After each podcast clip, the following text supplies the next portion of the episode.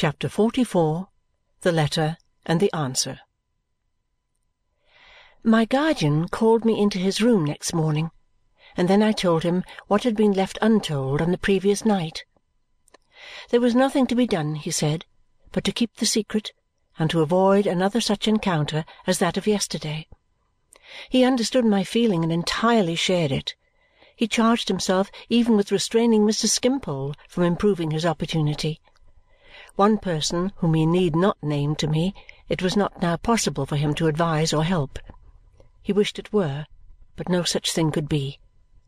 If her mistrust of the lawyer whom she had mentioned were well founded, which he scarcely doubted, he dreaded discovery. He knew something of him, both by sight and by reputation, and it was certain that he was a dangerous man.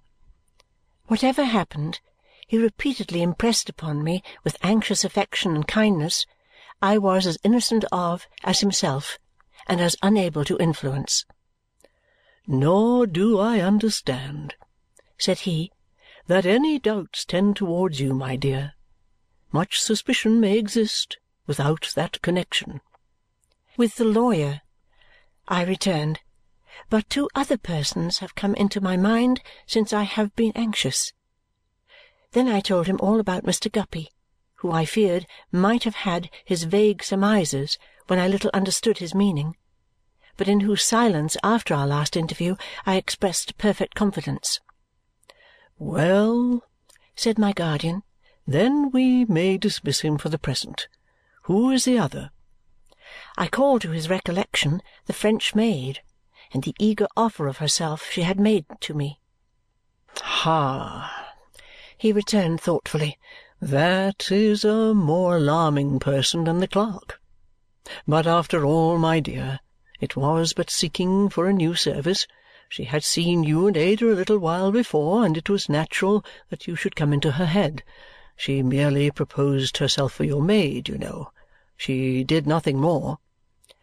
"Her manner was strange," said I.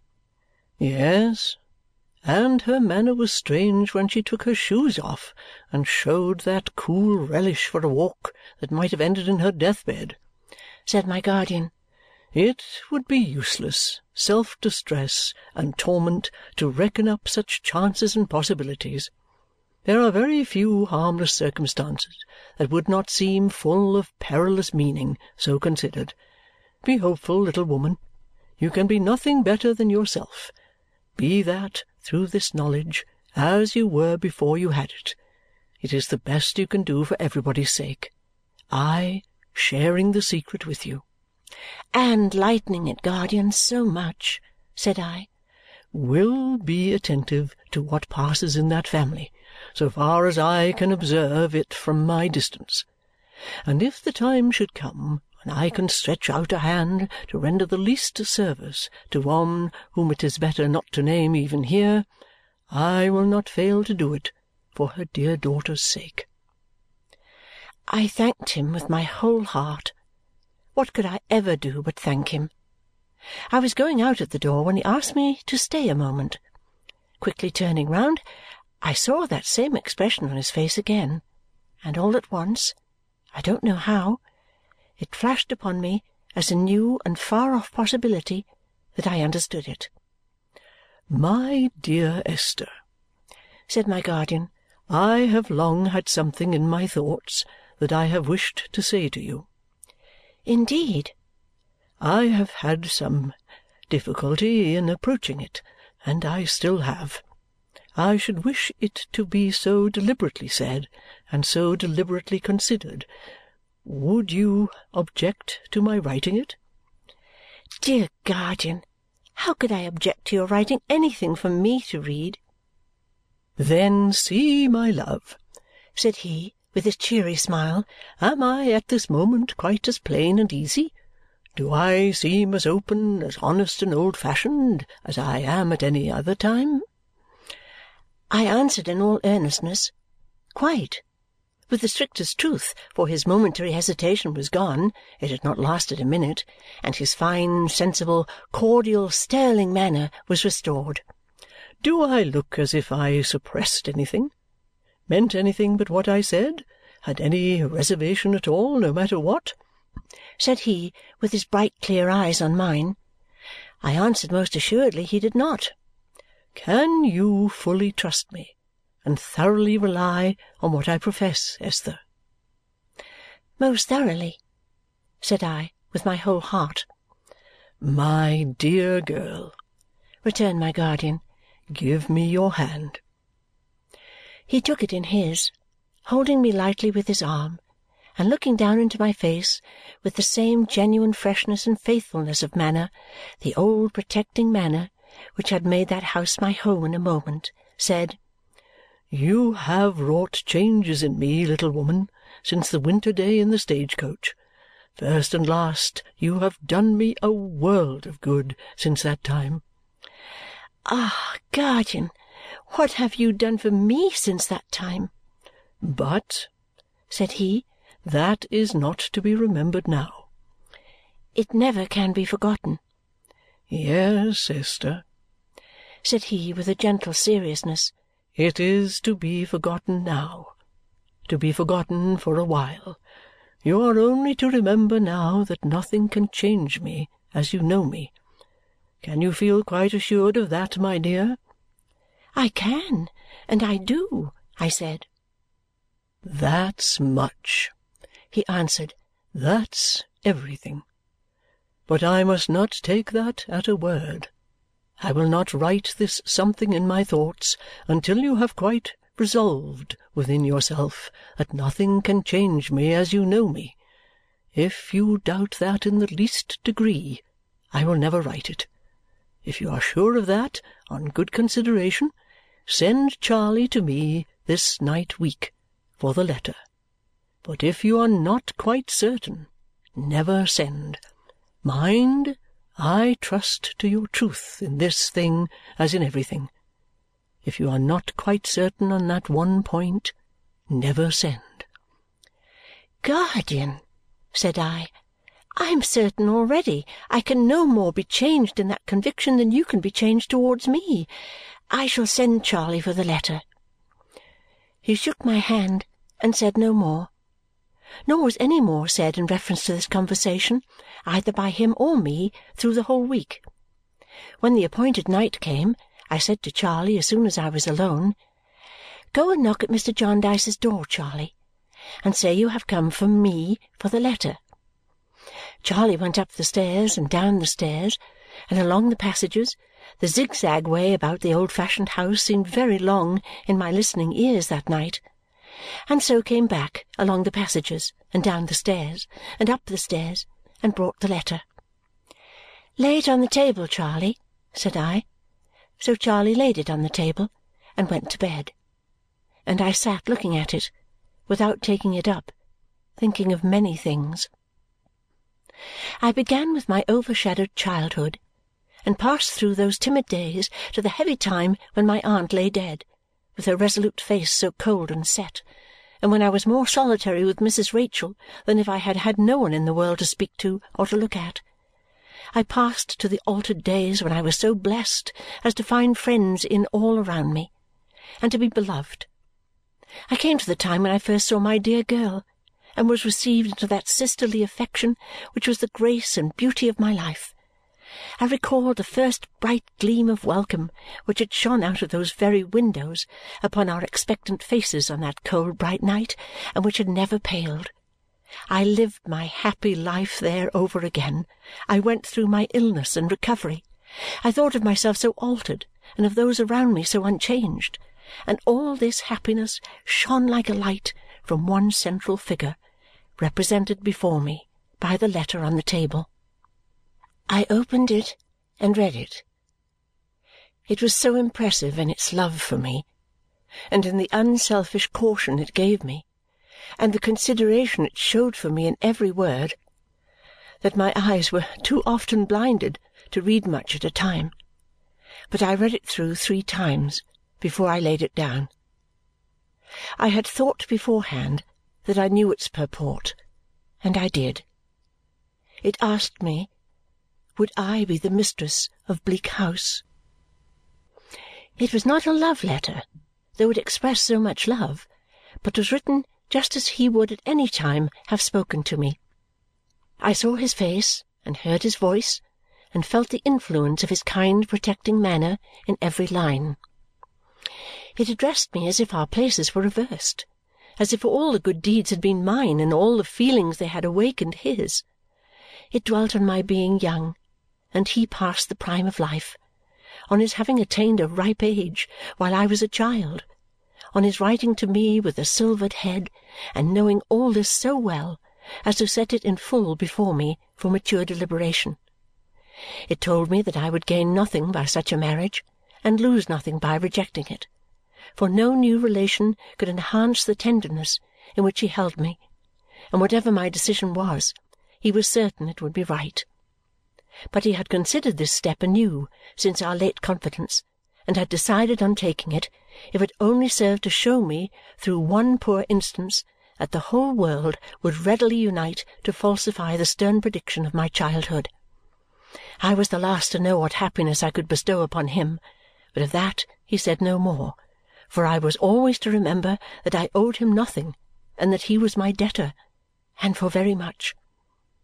He had often thought of our future, and foreseeing that the time must come, and fearing that it might come soon when Ada, now very nearly of age, would leave us, and when our present mode of life must be broken up, had become accustomed to reflect on this proposal. Thus he made it. If I felt that I could ever give him the best right he could have to be my protector, and if I felt that I could happily and justly become the dear companion of his remaining life, superior to all lighter chances and changes than death, even then he could not have me bind myself irrevocably while this letter was yet so new to me, but even then I must have ample time for reconsideration. In that case, or in the opposite case, let him be unchanged in his old relation, in his old manner, in the old name by which I called him. And as to his bright Dame Durden and little housekeeper, she would ever be the same, he knew. This was the substance of the letter, written throughout with a justice and a dignity as if he were indeed my responsible guardian impartially representing the proposal of a friend against whom in his integrity he stated the full case. But he did not hint to me that when I had been better looking he had had this same proceeding in his thoughts and had refrained from it, that when my old face was gone from me and I had no attractions he could love me just as well as in my fairer days, that the discovery of my birth gave him no shock, that his generosity rose above my disfigurement and my inheritance of shame, that the more I stood in need of such fidelity, the more firmly I might trust in him to the last. But I knew it. I knew it well now. It came upon me as the close of the benignant history I had been pursuing, and I felt that I had but one thing to do. To devote my life to his happiness was to thank him poorly, and what had I wished for the other night but some new means of thanking him? Still, I cried very much, not only in the fullness of my heart after reading the letter, not only in the strangeness of the prospect, for it was strange though I had expected the contents, but as if something, for which there was no name or distinct idea, were indefinitely lost to me. I was very happy, very thankful, very hopeful, but I cried very much. By and by I went to my old glass. My eyes were red and swollen, and I said, "Oh, Esther, Esther, can that be you?" I am afraid the face in the glass was going to cry again at this reproach, but I held up my finger at it, and it stopped. That is more like the composed look you comforted me with, my dear, when you showed me such a change," said I, beginning to let down my hair. "When you are mistress of Bleak House, you are to be as cheerful as a bird. In fact, you are always to be cheerful. So let us begin for once and for all." I went on with my hair now, quite comfortably. I sobbed a little still, but that was because I had been crying, not because I was crying then. And so, Esther, my dear, you are happy for life. Happy with your best friends, happy in your old home, happy in the power of doing a great deal of good, and happy in the undeserved love of the best of men. I thought, all at once, if my guardian had married some one else, how should I have felt, and what should I have done? That would have been a change indeed. It presented my life in such a new and blank form that I rang my housekeeping keys and gave them a kiss before I laid them down in their basket again.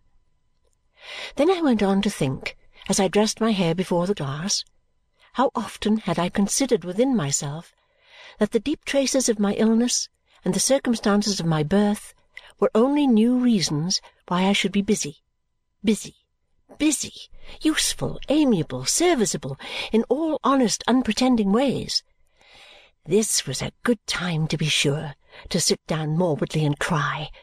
As to its seeming at all strange to me at first, if that were any excuse for crying, which it was not, that I was one day to be the mistress of Bleak House.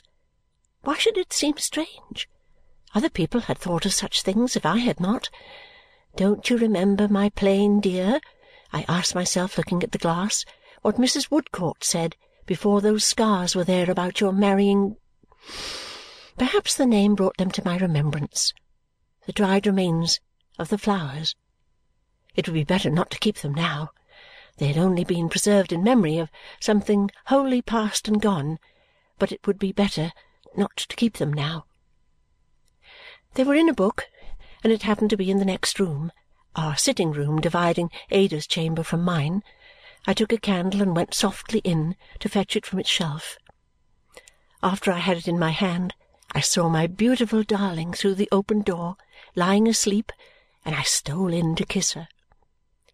It was weak in me, I know, and I could have no reason for crying, but I dropped a tear upon her dear face, and another, and another, Weaker than that, I took the withered flowers out and put them for a moment to her lips. I thought about her love for Richard, though indeed the flowers had nothing to do with that. Then I took them into my own room and burnt them at the candle, and they were dust in an instant. On entering the breakfast-room next morning, I found my guardian just as usual, quite as frank, as open, and free there being not the least constraint in his manner, there was none, or I think there was none, in mine. I was with him several times in the course of the morning, in and out, when there was no one there, and I thought it not unlikely that he might speak to me about the letter, but he did not say a word. So on the next morning, and the next, and for at least a week, over which time Mr. Skimpole prolonged his stay, I expected every day that my guardian might speak to me about the letter but he never did. I thought then, growing uneasy, that I ought to write an answer. I tried over and over again in my own room at night, but I could not write an answer that at all began like a good answer, so I thought each night I would wait one more day. And I waited seven more days, and he never said a word. At last, Mr. Skimpole having departed, we three were one afternoon going out for a ride and I, being dressed before Ada and going down, came upon my guardian with his back towards me, standing at the drawing-room window looking out. He turned on my coming in and said, smiling, "Aye, it's you, little woman, is it?" and looked out again. I had made up my mind to speak to him now. In short, I had come down on purpose. "Guardian," I said, rather hesitating and trembling. When would you like to have the answer to the letter Charley came for? When it's ready, my dear, he replied. I think it is ready, said I. Is Charley to bring it? he asked pleasantly. No, I have brought it myself, guardian, I returned. I put my two arms round his neck and kissed him, and he said was this the mistress of Bleak House? And I said, Yes. And it made no difference presently, and we all went out together, and I said nothing to my precious pet about it.